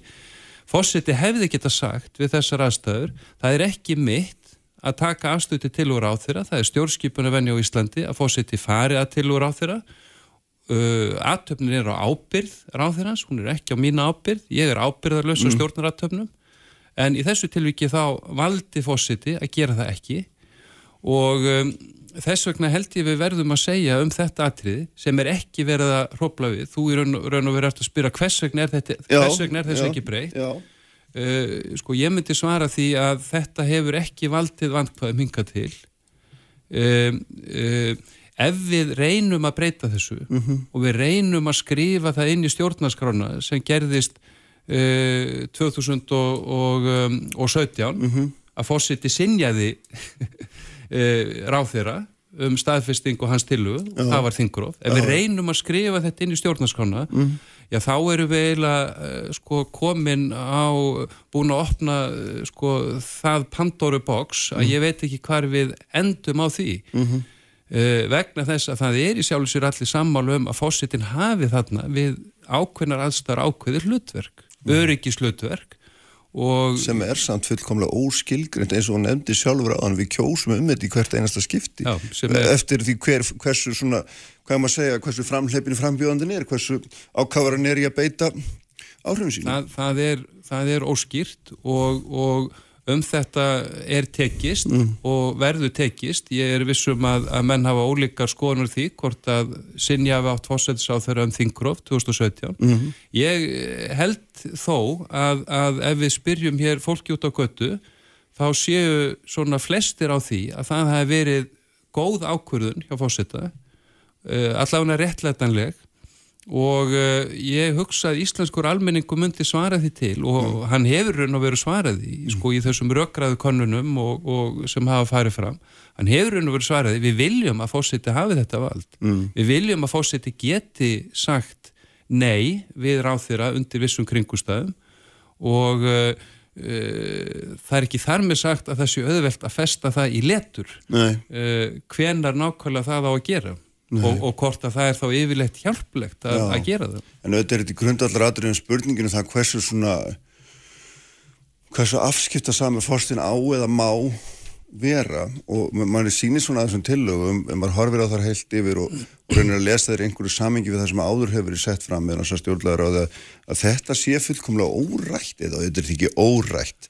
Það er auðvitað byll en en við erum ekki komin að nefni nýðustöðu um það ennþá, hvers konar svona hlutverkforstin hefur í raun og veru. Ek, ekki í þessu sambandi eh, þá, þá erum við ekki með hár nákvæma nýðustöðu mm. og, og að vissuleiti má segja við sem ennþá först uh, á árinu 1944 mm. og þeim, þeim deilum sem urðu strax þá um raunverulegt hlutverkforsetans Ég vil eins að taka það alveg skýrt fram að fósitting getur aldrei beitt sínu valdi nema með atbeinar á þeirra. Það er svona uppi miskilingur um uh, þetta í, í umræðinu stundum mm -hmm. og til dæmis í síðustu fósittakostningum uh, þá var talað um það að, að, að fósitting geti hugsalega upp á eigin spýtur fyrir að leggja fram stjórnafrumvörp eða eitthvað slíkt. Þa, það uh, sagt, getur fósitti ekki gert. Stjórnaskrán er alveg skýr um það að til þess að fósiti geti beitt valdi sínu þá þarf að koma til atbeinir á þeirra Þetta er átjánda og nítjánda grein stjórnarskránar mm -hmm. uh, í sjálfu sér 11. og, og 13. og 14. grein en er etning. Þetta er alveg skýrt í stjórnarskráni. Þannig að við erum fyrst og fremst að tala um það uh, núna að fósettin sinni um tillögu mm. uh, ráð þeirra og þessi möguleiki að fósetti geti gert það við óvunnilega raðstæður uh, hann er að mínu mati ekki óaskilugur. Það er þó mjög erfitt að, að skilgrin hann nánar. Uh, vettvangur þessa samtals millir á þeirra og fósetta fer fram formlega í ríkisáðinu þótt að í raun uh, fari hann fram ötna ríkisásins mm -hmm. en það er einn formlega vettvangur þar sem þessir aðla koma saman til þess að beita valdi sínu mm. og þess vegna er það mjög misráðið að afnema þá stopnun þótt að hún sé, hafi fyrst og fremst formleitt hlutverk, hún mm. stendur fyrir þetta samtal og þetta, þennan vettvang Já. og um, um, ef við ætlum að, sagt, að, að taka þetta upp og ræða þetta efni, þá munu fljótt koma í ljós ólíkar hugmyndir okkar um hlutverk fórsettar, sem er vilja styrkja þetta hlutverk Já. og vilja svona sjá fósettan beita sér meira í, í aðhaldi gagvar þinginu og, og horfa það jafnvel til ríkistjóra ára Sveins Björnssonar í því efni. Uh, nú Ólafur Ragnar má segja Grímsson hafi tekið upp þann þráð. Aðrir fósettar hafa, hafa hins vegar bóðið sér fram og starfað í þeim anda að vera ekki pólitískir og, eh, og eh, Vigdís Fimboðdóttir er, er mm. örugla dæmum það og, ah. og hennar ákverðun um að, um að eh, sinja ekki lögum um, um evróska samningjum um evróska efnarsvæði staðfestingar mm. er dæmi um, hvað ég var að segja, mjög afdráttalösa afstöðu fórseta til þess að taka ekki með neinum hætti mm. þátt í stjórnmálum, jafnvel þegar þau virða varða grundvallarhagsmunni þjóðarinnar. Já en sko hérna, þegar að Ólaf Ragnar beitti sínunavaldi sínu e, í fjölmjöla hérna, lagamálinu þá held ég að, þannig ég hef ringt í einasta stjórnspeking í landinu og örglaði þeir líka. Þar sem allir held ég hafa verið sammálum það að þetta væri meirið að minna döður bókstafur. Ja, það, Þú er ekki ringt í mig Kristján já, já, vegna okay, þess að, að og þú er ekki heldur ringt í Sigur Lindahl Já, þetta er allt í lagi, en það skiptir ekki máli, það er allavega að vera yfirgnefandi meira hluti á þeirri skoðum þá. Já, og sko, ég ætla að nota þetta sem rauksend fyrir því þú ætla að segja sko að, hérna, að, að, að meðan allt er svona ólust þá vitum við þetta ekki raun að vera hver mörkin eru fyrir en að einhver kemur og tókar þau til, tegir þau. Já, sko, nú er þetta nú tvö atrið sem þú nefnir mm. og, og, og sko í fyrsta lagi þá er ekki allt óljós í stjórnskipun Íslands Nei, það, það er, er, það er í raun og veru allt saman mjög skýrt Aha, okay. ég var eldri ekki að segja að það veri allt og, óljós og ef þetta frumvarp yrði að, að stjórnlöfum mm. að þá yrði það ennþá skýrara um, en, en þessi atrið sem vorum að nefna á áðan mm. mm. aðkoma fósettans að, að frankanta valdsatöfnum hún er sagt, óskýr að þessu leiti að formleitt hlutverk fósittans er mikið, mm. hann getur það, eins og Ólafur Jóhannsson segir í sínu stjórnskipunarétti það, það getur enginn þvingað fósittan til undirskriftar mm. ef það á að skipa dómara og það segir í lögum að það sé á valdi fósitta Íslands það, það mun enginn taka í hönd fósittans og skrifa undir fyrir hann, fyrir hann. Mm -hmm.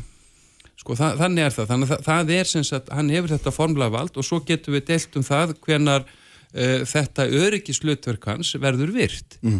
og, og uh, fræðumæður eins og Björg Tórarinsen uh, sem er svona frekkar þeirri línu að, að, að, að hlutverk fósettans sé fyrst og fremst formlegt, mm. hún viðukennir í sínum stjórnskipunarétti að fósittin hafi þrátt fyrir allt þetta öryggislutverk mm. og við vissar aðstæður geti þetta orðið, orðið virt Nú er þetta 27. greinin já. sem þú nefnir já, já. Og, uh, og það er auðvitað þannig að hér í um áratugaskeið voru fræðimenn og sviðu stjórnskipuréttar einnig fyrirverandi alþingismenn og jafnvel fyrirverandi ráþyrar. Mm. Bjarni Benediktsson var uh, auðvitað uh, bæði stjórnmólamadur og uh, stjórnskipunafræðingur mm og hann var ekki sem sagt á þeirri línu að hlutverk fósittans ætti að vera mikið Já, hann, var, hann, var, hann var náttúrulega höfundu þeirra tilu að þingið ætti að kjósa fósittan eða tók þátt í þeirri tilu og uh, hann einfallega tólkaði stjórnskipunina á þann hátt að jafnvel þótt að þjóðin hefði nú fengið þetta fram mm. að fá að kjósa sinn fósitta að þá, ætti, þá breytti það í raun og verið engu mm. fósitti Íslands hefði bara sömu stöðu og danski konkurinn hefði mm. þá uh, þróast úti. Mm. Nú ef við höldum áfram, Ólafur Jóhannesson, hann var í sjálfu sér alveg á sömu línu, hann var einni stjórnmálamæður, uh, Gunnar G. Skram, uh, einni stjórnmálamæður, sko þett, upp úr þessu sprettur auðvitað það sem við getum kallað stjórnskipunaréttur uh, stjórnskipunaréttur íslenskrar elitu, mm -hmm. stjórnmála elitu. Nú það voru hins vegar alltaf á þessum tíma uh, sjónamið uh, um annað, Sigurður Lindahl hann var til dæmis aldrei á þeirri skoðun að, að, að sinjunavald fósittans væri einugis í orð, orði hvaðnu og, um, og það mætti nefna fleiri, mm -hmm. Svanu Kristjánsson uh, var einnig, benti einnig á þetta. Og uh, ég fullir í það, Kristján, að mm. það hefur engin uh, stjórnmálamæður eða engin fósetta frambjóðandi bóði sig fram til embætis fósetta Íslands undir því fórörði að hann hefði ekki vald til að sinja lögum staðfestingar. Mm -hmm. Það er einfallega þannig að allir, líka Kristján Eldjárn og Víti Svimbódóttir og Guðni T.H. Jóhannesson, mm. þessi frambjóðandi sem hafa í raun og veru gefið sig út fyrir það að vera ópolítískir, þeir hafa alltaf haldið því til haga að þeir hefðu vald til að sinja lögum staðfestingar og myndu mm. undir einhverjum kringustafum ja, beita því. Með stauðarefsingu í þessu, já, þannig að, að það er mjög langt til seils. Sko. Þannig að þessi, þessi kenning sem búið var að rækta upp mm. og, og, og breyða hér út mm. um að fósitt í Íslands hefði í raun og verið ekkert vald og það hefði annarkort vanist úr lögum að þetta hefði alltaf verið tómur miskilingur sko 1944 að þetta væri raun og verið ráþýratni sem ætti að beita þessu já fyrir höndfósita sko, þetta er eitthvað sem bara rýmar ekki við hugmyndir fólksins í landinu um fósitan mm -hmm. og rýmar heldur ekki við uh, það er hugmyndir sem fósita frambjóðundir hafa haft og, og rækilega rætt mm. í, uh, í umræðum áður en þeir hafa verið kjört Já, við þurfum að hætta skólinn, þá veltum maður kem ég aftur með sömu spurningum til því og og það er að af hverju er þá hérna, fósitin svona framal í stjórnarskroni Jú, það, það ásýrðu þetta sögulegar ástæður og þá þurfum við að fara aftur til 1849 Já. til, til, til, til kaupmannafnar og ég, ég sé að þú hefur ekki áhuga því þótt að það væri nú að mörguletti Ég verð bara að bjóða þér í sér þátt um það. en, en, en ég er alveg sammála því að, að, að það færi betur á því að mannistendakabli stjórnarskránar væri annar kabli hennar Mm. og, og þannig væri lag, lagð áherslu á það að, að, að grundvöldur ríkisins og grundvöldur líðveldis eru ju borgararnir Mm. en ekki fórsetan og líðveldi stendur auðvitað fyrir það að borgararnir taka þátt í stjórn ríkisins með virkumhætti. Ljómandi, skúli, þetta var frábært hérna, takk fyrir kærlega að koma, þau eru hjá mér Helga Vala Helgadóttir Þorbjörg, Sýri Gunnarsdóttir og Ólafur Þór Gunnarsson Þingmenn hér eftir augnumblík Uppspretta frétta á Sprengisandi á Bylgjunni. Sprengisandur. Alla sunnudaga á bylgjunni.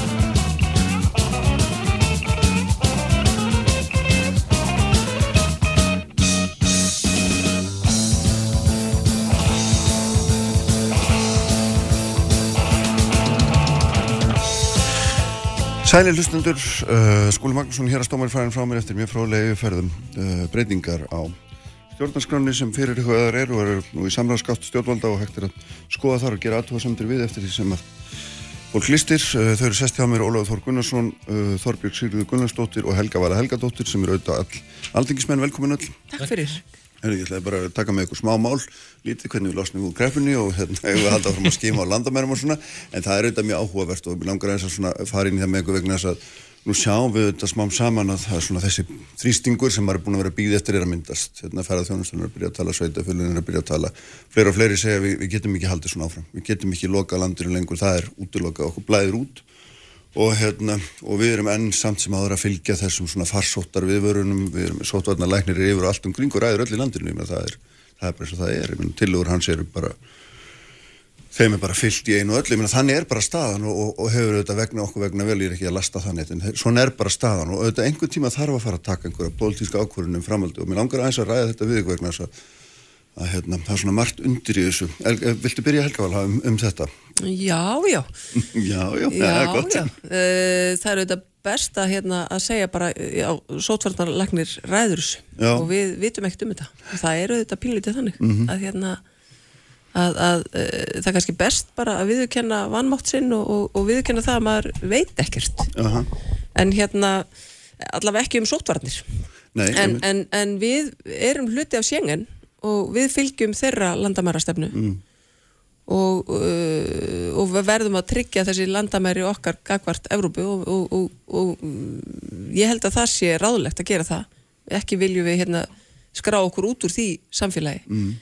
uh, þú sagðir að hérna, ferðarþjónustan væri svona byrjuð núna að, að beita þrýstingi það hefur nú verið lengi Mhm. Eh, Já, já, það hefur nú viljað viðurkenna betur í, já. í, úr, úr þeirri átt Já. Mm. lengi ég meina, uh, fyrst þeirra átt að fara að rukka ferðamenn að þá heyrðist ó og æ þar uh, vildu frekar að, Mm. Já, nú er ég að tala kannski yfir allir sem segja bara við eigum að hætta bara að skima því að þjónu ekki Já, tilgangi. en það eru, það eru fleiri fyrir um landlæknir Sigur Guðmundsson, hann Já. segir þetta líka að Já, þetta já, einmitt. ekki tilgangi þessi verið að taka uh, svo mörg síni uh, finna fá að smita það og að, að þarna á landamærunum í rauninni skipti það minna máli. Mm. þannig að hérna ég skil alveg uh, viljan til þess að, að opna alveg og hætta þessar, þessum skimunum. En ég held samt sem áður að, að, að uh, þetta sé ekki að stoppa nema mögulega þá bandarækjaman og það sem eru utan sjengen Mm. það verið að stoppa þá að koma til landsins. En ég held að, að, að þessar skimanir uh, séu ekki að stoppa fólk frá Evrópu að koma til landsins, bara alls ekki. Ég held að sé bara aðrir þætti sem er að stoppa ströym ferðamanna. Og það er bara að þetta er alheims sótt sem hefur, hefur herjað á allar þjóðir. Og fólk er svona það er- treystir sér meira að vera heima Já, já, og það er auðvitað svona dýrmætt að eiga, eiga samfélag sem fungera náttúrulega svona nokkurn veginn eðlilega, sko, það er auðvitað líka spurning um það, en á móti kemur að það er ganga hér um 15-20 úr manns og hafa enga vinnu. Það er hinn hliðin, sko, hvað segir þú alveg hérna á þínum bæjarhóli? Sjónarhóli ætti að vera, bæjardýrum og sjónarhóli. Allt, í lagi við stöndum, stöndum bara þess verum. Já, ég held nú að eh, varandi skímarinnar þá eigum við í rauninni mjög litla sögu sko, í, í svona stóra saminginu í, í, í skíminum, þetta eru nokkra vikur sem er búið að vera að skíma á landamörnum það er ekki að halda það fram að, að það sé komin einhver rosalega mikið reynsla á það það eru fáir, fáir greindir og kannski munu sotnandur reyður taka þá ákverðun að þrengja aðeins hópin sem er skímaður þar að sé reyna að hafa hann aðeins svona markvisari, fjölga þessum svo kallu A-löndum, þar að segja löndum sem þarf ekki að skíma frá. Mm -hmm. og uh, ég, ég, svona, ég hef fulla trú á því starfi sem að sotvarnarleiknir er að vinna aðna, varandi það hverjir vilja koma hengað, ég meina það er allavega sko maður fer um landi og það er nú þegar svo lítið að ferða mannum mm.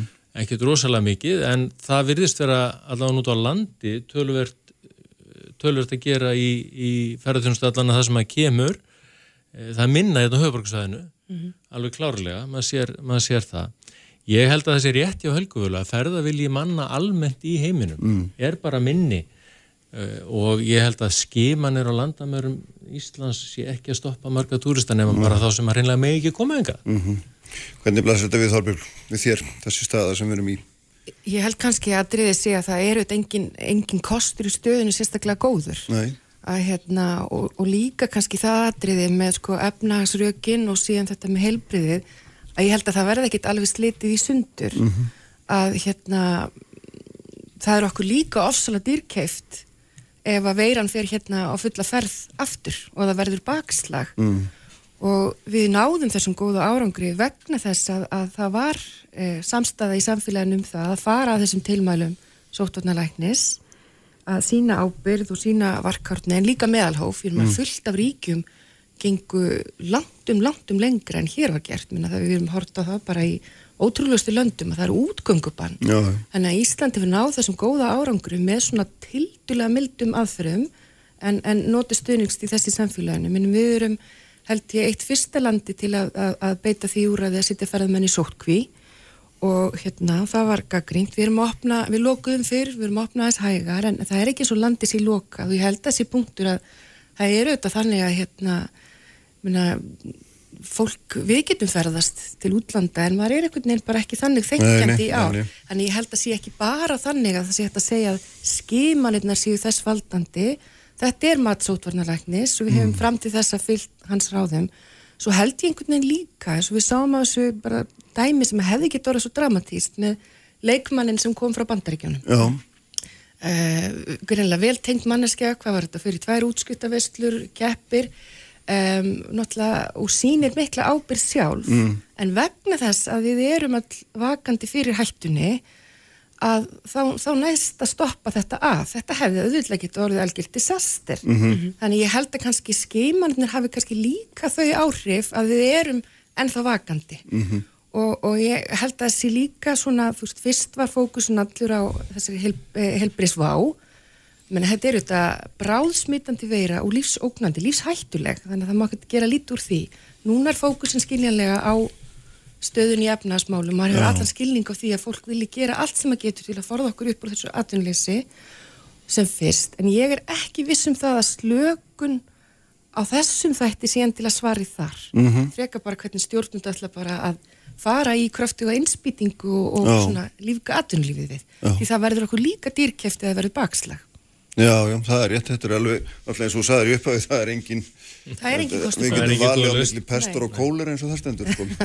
Nei, það er líka, það er líka þetta sko að ferðamennir hafa ekki verið að smita. Það, það eru Íslendingarnir sem eru að smita. Þess vegna eru þetta þessu umræða komin upp að þetta sé að sjó að leipa mönnum í gegn. Já, já, en, en, en svo eins, eins og Þorbjörg segir að þá, þá eh, gekk okkur vel af því að við höfðum svona uh, skýrskilabóð og, og, og styrkar varnir þannig já, séð, já. en ekki útgöngubann en við sjáum bara í, í, í næstu nákvæmna ríkjum, ég að horfum til bandarækjana hvað er að gerast þar mm. að þeir uh, tóku enn eitt, settu enn eitt metið uh, í smittum á síðasta solring 67.000 smitt mm -hmm. það er algjört stjórnleysi með þeirri bara... stórkoslu sögurskýringu að það sé bara vegna þess að þessu stöðlega er að prófa já, já. já, Nei, þetta, þetta er bara, en, þetta er ekkert grín sko. Nei, þetta er nefnilega alveg rétt að sko, jafnvel einn ferðamæður sem kem inn í landi og næði að til dæmis fara, segjum bara að fara á salatbærin á, að bóra í nefðu og fara í salatbærin á hótelinu þar sem hann er mm -hmm. þá er líklegt hans í þar með búin að smita alla hinna ef hann verð ekki skipa, skimaður á, á landamærunum mm. þannig að áhættan er nokkur en eins og, við, eins og við höfum gert hérna innanlands, við höfum verið að skima fólk hérna innanlands uh, út frá einkennum og út frá líkindum og ég, mér finnst mjög líklegt ef ég ætti að giska en ég náttúrulega er kannski ekki alveg inn í kollinum og sóttandragni, en ef ég ætti að giska mm. að þá munum en vantanlega skoða eftir þessar nokkru vikur af, af, af svona allsýriskimunum hvernig við eigum að svona vera markvísari, taka frekar kannski tiltekna hópa uh, taka ég vel örlíti meiri sögu á landamörnum hvar hefur verið mm -hmm.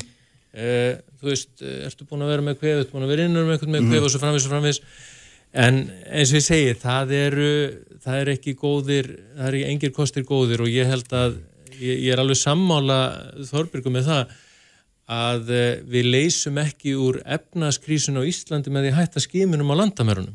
Það verður, það verður ekki, það verður ekki leiðin og það er þegar komin... Já, kannski, en, en, en það eru þegar byrjar að koma inn ferðamenn og það Já, eru konir einhverju tíu þúsund dag. En um leið og segir þetta, það veistu náttúrulega líka það er, mennur þegar farnir að sko aflýsa flugferðum inn í næstu vikur og afkasta getan landamærum bara dugar ekki til þess að taka nema tjóðst manns eða hvað það er og hérna, þannig að meðan að svo er þá náttúrulega er, er það sjálfkrafa heimill á. Já, auðvitað er það takmörkun og þess vegna held ég að muni alveg áræðanlega að koma til álita að, að uh, meta það eru til dæmis ferðamenn frá Nóri líklegir til þess að vera mm. smittaðir það er mjög lítið smitt í Nóri mm. og ég ekki að segja að normenn séu kannski stærsti ferðamannahópurinn sem kemur til Íslands er það sama mm. og það eru fleiri lönd eins og, eins og til að mynda Þískaland þar sem að smittíðnin er álíka og í Danmarku mm. Eh, maður myndur svona veltaði fyrir sér er það kannski eitt af þessum svæðum sem við ættum að skoða sérstaklega eða ég vil hafa eitthvað öðru í sér reglur mm.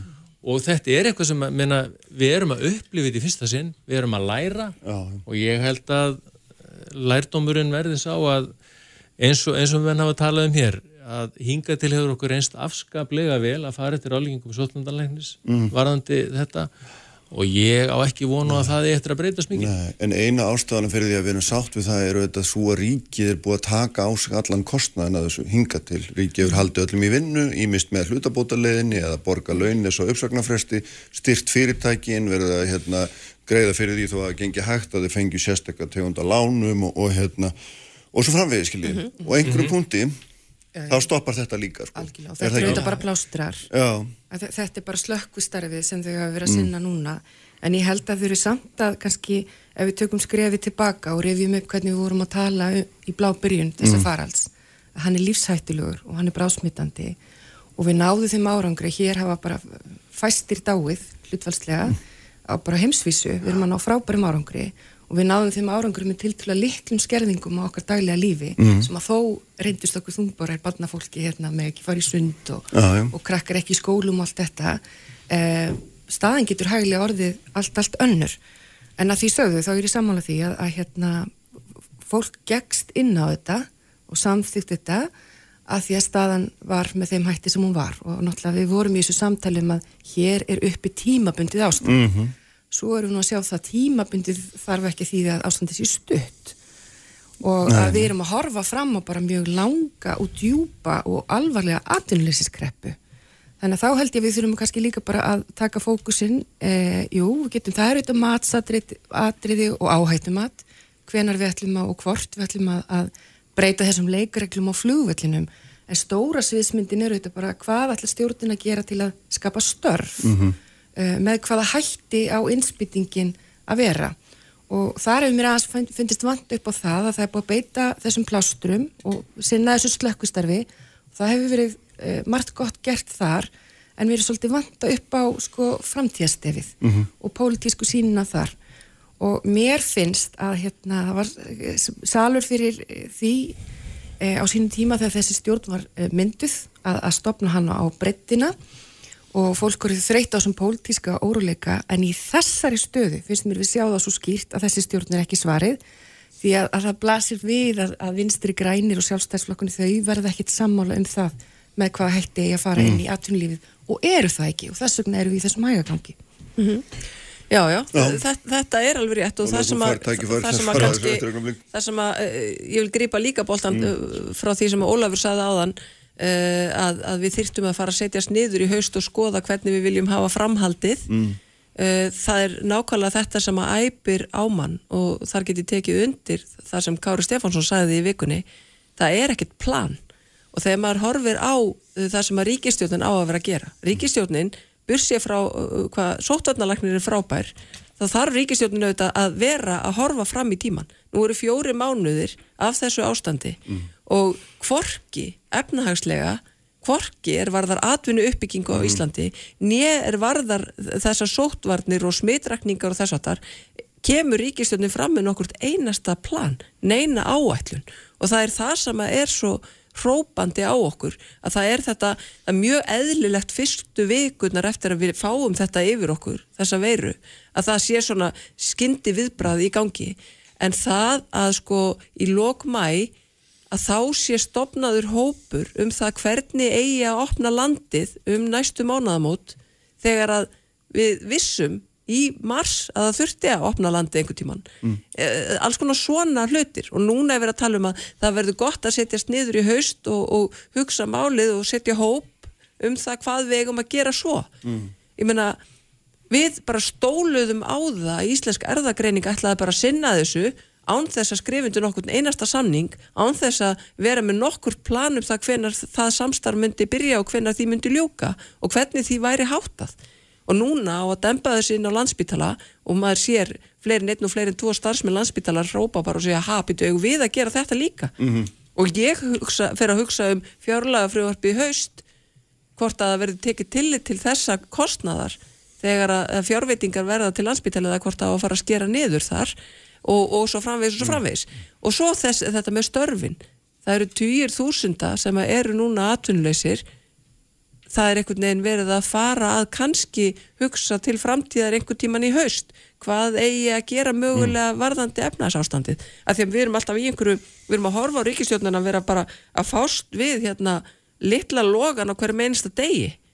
Í staðin fyrir að horfa fram á veginn mm -hmm. og, og einhvern veginn uh, segja okkur hvernig þau ætla að leysa þetta ástand sem er við auðvitað graf alvarlegt Þetta er nú lítið og léttvægt fyrir því ólega minn Já, þetta er bara fljóð, fljóð, þessu, þessu fljótsvara Nei, það er auðvitað er það eh, ekki rétt að það sé ekkert plan í gangi og það sé ekkert verið að gera. Það er náttúrulega, náttúrulega allránt hins vegar er það þannig að vegna eðlis þessa faraldus og eðlis þessa stöðu það hafa menn orðið að vera að endurskoða stöðuna nánast í hverju einustu viku hvað gerist næst og menn hafa ekki séð það fyrir e, til dæmis í upphæfi faraldusins að hann kynna verða hálft árið að meira. E, ég er ekki við sem að neytni þetta borð hafi haldið það að e, við værum ennþá með bandaríkin meirum en að lokuð á þessum tíma ásins maður þarf að gera sér það í hugalund og, og, og það væri að þetta gera til plön út frá því. Þrátt fyrir það sem að hér hefur verið sagt að þá er náttúrulega búið að fara út í allskins aðgerið til mm. þess að tryggja, reyna að tryggja áframhaldið störf, það er búið að beina fjármönnum eh, til nýsköpunar, það er búið að efla eh, framkvæmdir bæði á sögum vegagerðar og, og uppbyngar innviða. Og það er þannig að það er,una, jú, það er allt og mikið atvinnleysi og sögulega finnst Íslandingum óþægilegt þegar atvinnleysi er yfir 3-4%.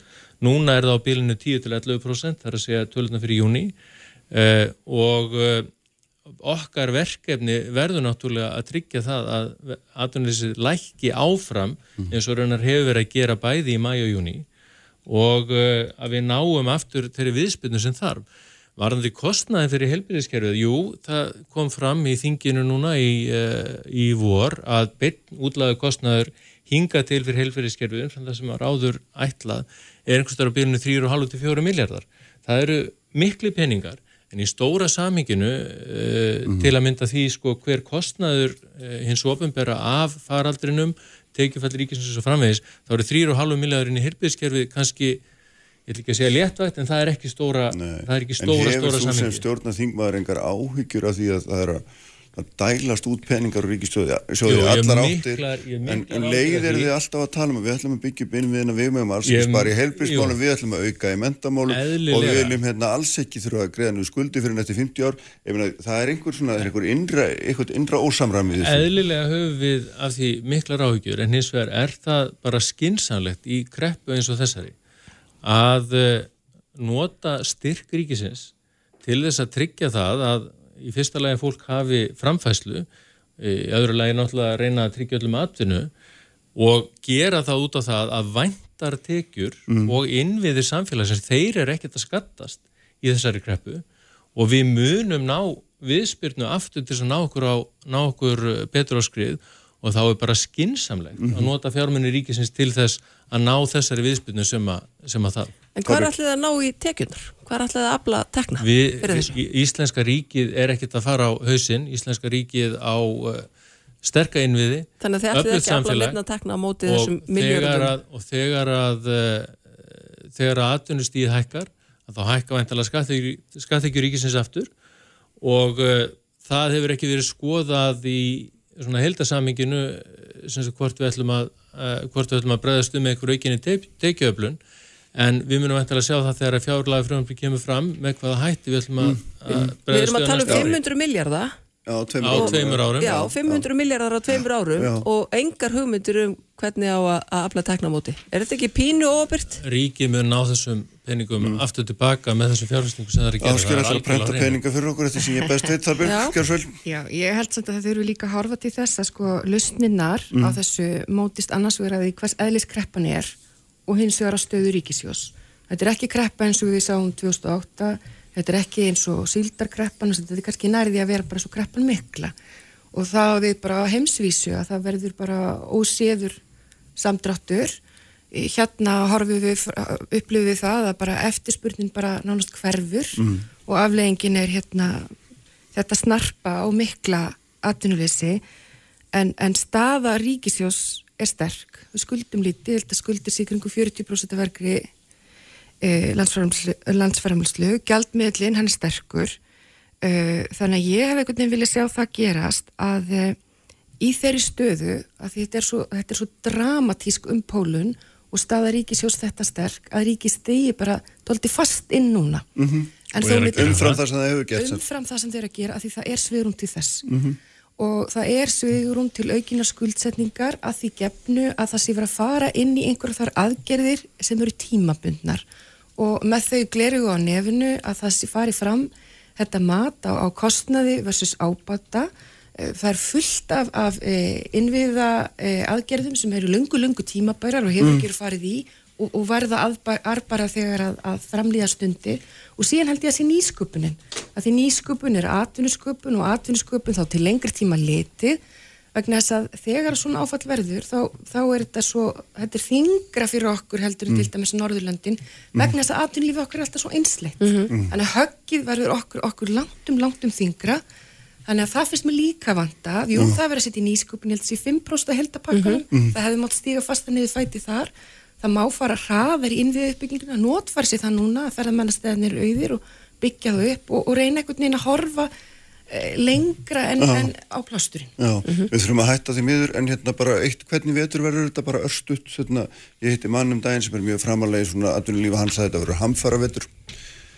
Uh, ég held að verði þetta verður náttúrulega erfiði vetur að því leiti til að það verður mjög erfitt að fara inn í veturinn með atvinnuleysi en uh, ég hef full, fulla trú á því að, uh, að við munum ná viðspilnu mm -hmm. þegar að kemur fram á höstið og, og en auðvitað verður ekki þægilegt að vera með atvinnuleysi einhvers starf á bylunu 7-8% eða tala nú ekki um það mm. ef það verður herra en ég, ég er ekkert svatsinn á veturinn, ég held að við náum okkur upprúsum Já, ég deili ekki þessari bjart sinni. Ég held að veturum verið erfur vegna þess að því við rennum inn í hausti þá er fólk að horfa fram á það að fara inn á bestir í barbætur. Ég held að þessu 289.000 krónur. Mm -hmm. Þannig ég held ekki allir sett sér í þau spór að það er ekki, það er ekki staða sem er góð að vera í og þarna finnst mér líka vanta fórustuna það þarf að segja þjóðinni mm -hmm. hvers er að vanta. -huh. Hvað ætlum við að gera mm -hmm. og hérna, til þess að við það það og síðan þarf líka að vera vakandi fyrir því að þetta högg er ekkert að hitta okkur öll eins fyrir. Þetta er langt um þingra til dæmis sem að ber saman borg versus landsbyggð. Og svo er ákveðin, ákveðin hópur hérna í samfélaginu sem að lendi því öðru sinni frá 2008 að standa frammi fyrir þessu. Og þá mm. ekki, má ekki gera lítið úr alveg eitthvað þess. Það er rétt, hérna, Helga Vala Já, ég, já, já, ég hef áhugir á þessum vetri. Ég já. hérna óttast að hann verði ansi harður fyrir okkur uh, og ég held að það sé líka vegna þess að það skortir yfir sín hjá stjórnvöldum. Að þetta eru of fálmkendar aðgerðir uh, án, án þess að horfa á sviðsmyndinni í heild án þess að horfa á uh, hvernig ein aðgerð uh, skadar aðra aðgerð og það að það er ekki nógu uh, skilmerkilega verið að byggja upp atvinnu á Íslandi, fjölga hér störfum, það er, finnst mér, uh, já, stóri stóri gallin í þessum aðgerðum. Að það er verið að borga fyrir uppsagnir það er verið að setja ofbáslega mikla peninga í það í staðin fyrir að fara mjög kröftulega í atvinnuuppbyggingu. Látum þetta vera loka orðin, þakka ykkur öllum þreymur Ólaður Þór, Sjöldna, Þorbjörg og Helga Vala. Það verður hjá mér að Þórður Snæður eftir augnablík Sprengisandur, alla sunnudaga á bylgjunni. Uppspretta frétta á Sprengisandi á bylgjunni Sælilustendur aftur, uh, þau eru farin fram með Helga Vala, uh, Þorbjörg Sýrjur Gunnarsdóttir og Ólaður Þór Gunnarsson. En sestur er hér Þórður Snær Júliusson rittur í Kjarnasauðita, velkomin Þórður. Takk. Sko, hérna uh, Ríkstjórnin hefur lengi talað um að hérna, og, og stjórnmálumennum að þurfa að styrkja engarækninga fjölmila og við vorum búin að býða eftir þessu frumvarfi með lengin og kemur það fram í lokin og, og, lokin og þú hérna, þú þér er nú svona bröðið og, og hérna líst ekki þetta og þú talar um að að það sem fram er komið sé sko aðförað fjölbreytri frjálsri fjölmiðlun í landinu og sé öll áhersla komin á að styrkja hérna stóru og þið sem eru smærri á markanum séu látni, látni róa. Eh, ég ætlum ekki að segja með þessi brugðið, ég nú svo sem alveg vonaði að já, þetta já. geti farið í þessa átt já. Og það hefur verið svona yfirvofandi í lengri tíma en þetta voru ákveðin vonbreið. Mm. Þetta er auðvitað uh, sko afurða af frumvarpinu, þetta er ekki frumvarpið sjálf. Nei, einmitt, þetta er reglugerðin sem að, útvæslu reglugerðin. Það er yfir að mjög stuttum máli þá að skipaður hérna, hópur til þess að svona, fara yfir aðstæður engaríkina fjölmjöla í loka ástjórn 16 og hann skilar, sá hópur skila síðan skíslu með sjö aðgerðum sem fela í sér alls konar uh, hluti, fela í sér að ríkis útvarpið dreigi saman á auglýsingamarkaði, mm. felur í sér að hérna uh, að auglýsingar sem er ekki leiðar í dag en eru leiðar í þessu alþjóðumkvöru sem við búum í eins og til dæmis veðmála áfengisauglýsingar og slíkt uh, verði hleyft inn á íslenska markaðin breytingar á verðisveika skatts innheimtu gagvart mm. fjölmjölum ímislegt svona og svo er þetta eitt þarna sem hérna, ein aðgerð sem, sem sagt, snýstum það að setja upp svo kallar styrkjakerfi á norrætni fyrirmynd um það að greiða tilbaka hlutfalla reytstjórnarkostnæði sem er svona almennt kerfi og á nýtast öllum vegna mm -hmm. þess að það er alveg augljóst að flestar þess aðgerir sem þessi nefndlaði til það eru aðgerir sem nýtast fyrst og síðast þeim aðsópsmestu á markan, stærstu fjölmjölufyrirtækjum mm -hmm. og við það er raunverður ekkit aðtúa en þetta eina styrkjakerfið átti að vera fyrir alla og átti að stuðla fjölræði og fjölbreytileika. Já. og það hefur verið svona gegnum gangati í gegnum allan þennan farsa, nú lítið þetta kallað annað sem þetta mál hefur gengið í gegnum allat í síðan, er á fjóruða ár síðan þetta var lagt fram, mm -hmm. eða kynnt. Og uh, að það hefur svona verið tekist á um það hver, hversu mikið hver ætti að fá og það er svo ekki bara venjulega hagsmuna á að gæsla. Eh, en það hefur alltaf verið lagð áherslu á það að verja þetta þetta svona fjölræðis og fjölbreytnis markmið, mm -hmm. þannig að þetta styrki landsbyðafjölmila og þetta styrki minni fjölmila og þetta verð ekki til þess að þeir sem eru með sjálfbana rekstur sé refsað á kostna þeirra sem er að verja viðskiptamódel sem er mögulegar úr sér gengin mm -hmm. og þannig hefur þetta alltaf haldið sér í gegnum alla fasana Já. og alla baráttuna að það voru alltaf verið veist, verið útvatnað eins og frumarpið var lagt fram í desiberi fyrra lækkað endurgæslu hlutvalli til þess svona uh, án þess að það sé einhver raukstunning á bakvið það, bara einfallega pólitísku vilji til þess að minni fjölmjölar fengjum minna mm -hmm. og svo uh, er, er þessu breytt í neyðarækjörð uh, einskiptis neyðarækjörð í einhverjum COVID-pakka mm -hmm. en byggir á grunni frumvarpsins, það eru sömu forsendur sem eru lagað til grundvallar en svo breyting er gerð að þakið sem hver aðeins getur fengið er hækkað upp í 100 miljónir og þar úr þessu 400 miljónum pakka þá fá þrýr aðeilar á breyttu mm -hmm. uh, 300 miljónir mm -hmm. í staðin fyrir að þeirra fengi Af hverju segir það? Það kemur eiginlega hverkið fram að súskipting eigi að vera neitt sérstaklega það? Já, það kemur fram að hérna, í reglugjörðinni að, að þú getur fengið alltaf 25% af endur greitum hérna, reysfjöldakostnaði og uh, að hámarki 25% af hildarupphæðinu sem er þá 100 miljónir uh, og hérna Þannig að það er bara líkur í orðana hljóðana sko, ef þetta finnist ekki niður veitum við ekki hversu háar umsókn að verða. Mm -hmm. en ef að uh, segjum sem svo bara orðaðinu vegna að þetta verði akkurat upp á 400 miljónir umsóknir þá er augljóst að þrjústastu fjölmjölarfyrirtækin fá 100 miljónir hvert vegna mm. þess að þau eru með það ítækja starfsemi að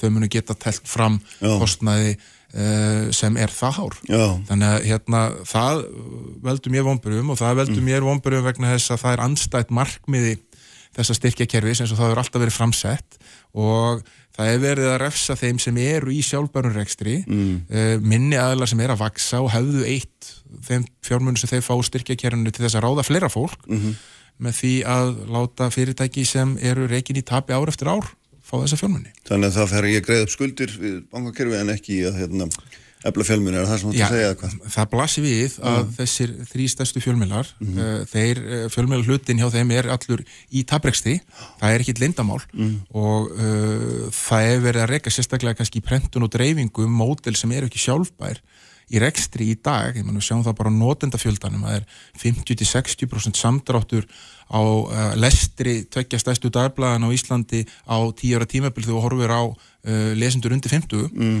og þeir eru ekkert að fara að koma aftur, það er bara, það er allt búið að breytast, við búum í allt öðruvísi heiminn, neyslu hegðun er allt öðruvísi.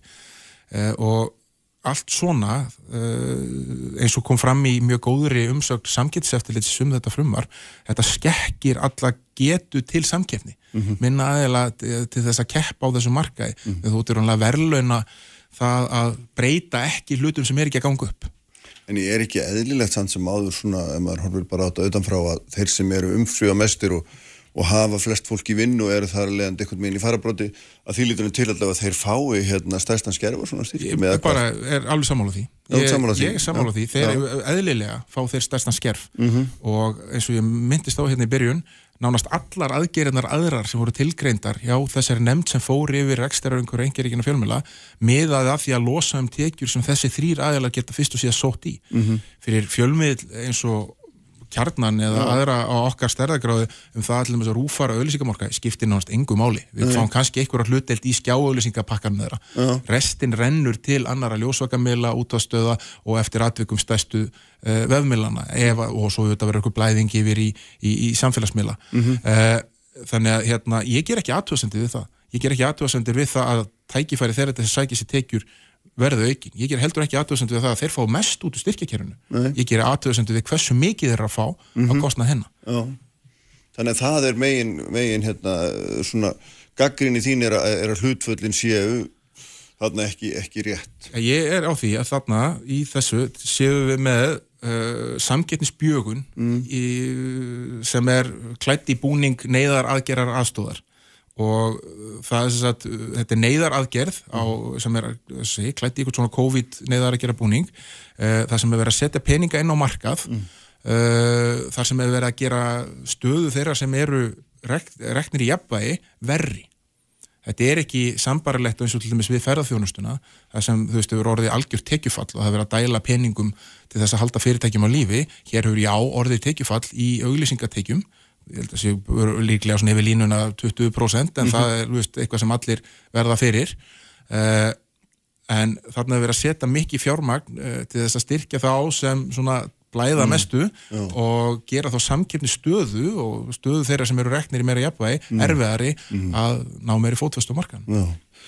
og þannig að hérna, sko, þetta er búið í gangi svo segir lengi og þetta er svo sem hérna, tekur núna bara þessum þessum nákvæmlega breytingum núna rétt undir undir lokin er það ekki? Og þú, þú lest í raun og veru und, út úr því eftir sem ég sínist á þinnum skrifum að hérna, stjórnmálamenn séu ansnúnir þessari, fjöl, þessari fjölbreyttu starf sem þessu fjölræði sem að átt að vera markmið og vilji hérna einmitt að bara hérna, snú aftur inn í fábreytin samfélagið.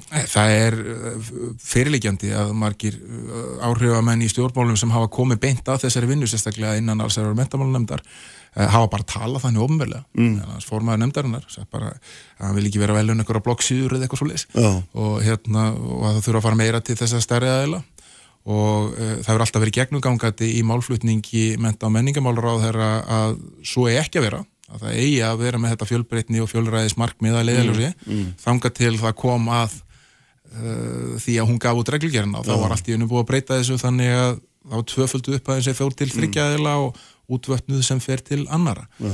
þannig að hérna veist, svona er bara pólitík hún er bara ef við bara komum að upprunlegu spurningunni þess að kemur þetta mér ekkit á óvar nei, nei. og hérna þú veist, ég verður ásakar einhverjum kollegum minnum um að vera hérna ægilega með einhvern æsingi yfir þessu, ég er ekkert mennið æsingi yfir þessu, mm. þetta blasir við svona er þetta, mm. er þetta ekki en ákvörðun á grundvelleikus svona hérna, neyðarækjarar mm. sem hefur slæm áhrif á rekstaröngverið, oh. það er bara þannig En hvað þýðir þetta alltaf með svirir eins og, eins og lítinn fjálmeðil eins og kjarnan? Hvað er þið að fá? Hafið þið hugmyndu um það? Hvað, svona, Nei, hvað kemur í ykkar hlut? Það fer eftir hversu sko margir sækja um. Ég get ímyndum mér að við verum eitthvað starri kannski, við myndum sækja um að við myndum vera eitthvað starri kringum 10 miljónum markið. Mm -hmm. uh, Hvaða máli skiptir það fyrir ykkur? Það skiptir öllu máli fyrir okkur. 10 miljónir er bara, veist, bara starfsmæður, umur. Já Eh, fyrir okkur mm. og við erum með þannig rekstur að hérna, hann er í jafnvægi, við erum ekki bundin auðvisingamarkaði, við erum með mótel sem treystir á það að fólk greiði fyrir notkunna sem er auðvitað eitthvað sem allur heimurinn er búin að færa síðan undanfólum árum nema Ísland oh. uh, hér er ekki til dæmis greitt nánast fyrir neina netfrétta notkun á meðan það er bara orðin undirstaðan í bandarækjunum Breitlandi og viðaskvar í Európu Já, já, það er svona reyndir aðeins samt frjálsframlög við þetta, Ég meina það er greiðsla, það er, er mótir sem við erum með, já, það eru frjálsframlög og hérna og NPR og Guardian og svo leiðis, en það er greiðsla fyrir það að, að fjölmiðlinn sé að sinna sínu starfi mm. og svo ráskriftamódel og svo leis. Þetta hafa stóru millanur í Íslandi ekki farið í. Nei. Eh, heldur ekki sáfram á ölsingamarkaði sem hefur verið í lægð alveg frá hrunni. Eh, þetta er fyrsta sinn í Íslandsögunni sem mm. það hefur verið hérna, uppsveifla í hagkerfunu og það hefur ekki aukist ölsingateikjur fjölmila á síðast áratu. Mm. Þannig að uh, þetta er bara svona dáltið staðan. Hún er hérna en ertu í prinsipinu á því að það sé rétt að, myna, að ríkis sé að setja peningin í fjölmjöla væri ekki einmitt miklu betra fyrirkomlega að, að hérna, þeir bara styrki það fjölmjöla sem lesa þá og, og hérna, eins og þýru sjálfur að gera og stundin er að gera og fleiri er að gera hérlendis og þetta margir í útlöndum fyrir að vera eitthvað með eina að fá hérna, Pétur og Pál út í bæð og því það heiti stjórnmálamenn til þess að hérna, útluta einhverjum sérstakum styrkjum? Ég, ég meina, í, í, í fullkonum heimi, jú, mm. en við skulum bara hafa það hugfast að það borgar alltaf eitthvað fyrir réttir og á undarföldnum árum á Íslandi hafa það verið einfallega alls konar fólk sem hefur eh, borgað gríðarlega tap stæðstu fjölmjölun á Íslandi, miljardar tap af einhverjum ástæðum mm. sem er hafa gefið upp þær ástæðir og aðrir ekki en þeir hafa haft áhuga á því að eiga fjölmjöla og borga með þeim mm. oft morgundur miljónur ári og það er óheilbritt umhverfi -hmm. að þegar málum er þannig háttað sérstaklega það eru skýrir sérhagsmunir og sérhagsmunar tengsl á milli aðalina og einhverja sem eiga eitthvað undir í þjómálumræðinu uh, og þetta hefur vegna aðgera leysis uh, stjórnvalda og bara svona kannski uh, svona aðgera leysis eða svona, mm. svona leysisfer stefnu samfélagsins skegvægt þessar stöðu þá eru þetta bara orðið erfiðar og erfiðara. Og mér finnst heilbriðara að það sé búin til markháttu Uh, eins og kom fram til dæmis í þessari nefnd mm -hmm. að fara í nokkrar mismunandi aðgerir og sjá hvernig þær myndu virka saman til þess að búa til heilbriðara fjölmjöla umhverfi á Íslandi meðal annað styrkjakerfi fyrir sko ekki háar upp að þeir og þetta er ekki leiðandi peningar. Og mér finnst þessi umræðum það að fjölmjöla verða þá svo háði ríkjuna þegar mm. þú er ekki að gagna mér finnst það fjastæðurkend uh -huh. þetta eru það lágar upp að þetta eru læri upp að þeir ofta tíðum en til dæmis auglýsingafið, skilur, eru þeir sem fá peningar frá ofnbærum aðalum í auglýsingar og svolítið, eru þeir bundnir uh, þeim einhvern veginn, einhverjum vistaböndum? Mm.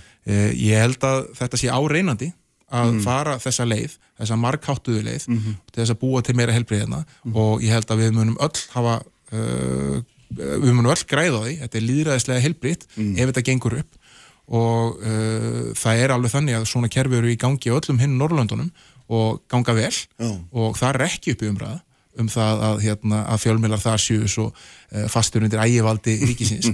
Og mér finnst ekki tilöfni til þess að ætla það að íslenski fjölmjölamenn sé eitthvað verri í því að standa í lappirnar gagvart þeim sem er að veita, veita aðhald en kollegar okkur núna. Nei, mitt og hvað, hérna rétt í lógin, hvert verður nú framaldið, hérna, þetta er, er þetta, er þetta sem sagt bara frágengið og svona verður þetta, er, er ennþá eitthvað sögurum til þess að Eh, ég, sér heyra það eh, nú koma umsóknir inn til hérna, fjölmjölnendar og, og fjölmjölnend ykkur afstöð til þeirra. Mm. Það eru svona óljós ákvaði í reglugerinni varðandi það að hérna, fyrirtæki mega ekki hafa verið í, í fjárhagserfileikum í lokast 2019 Já.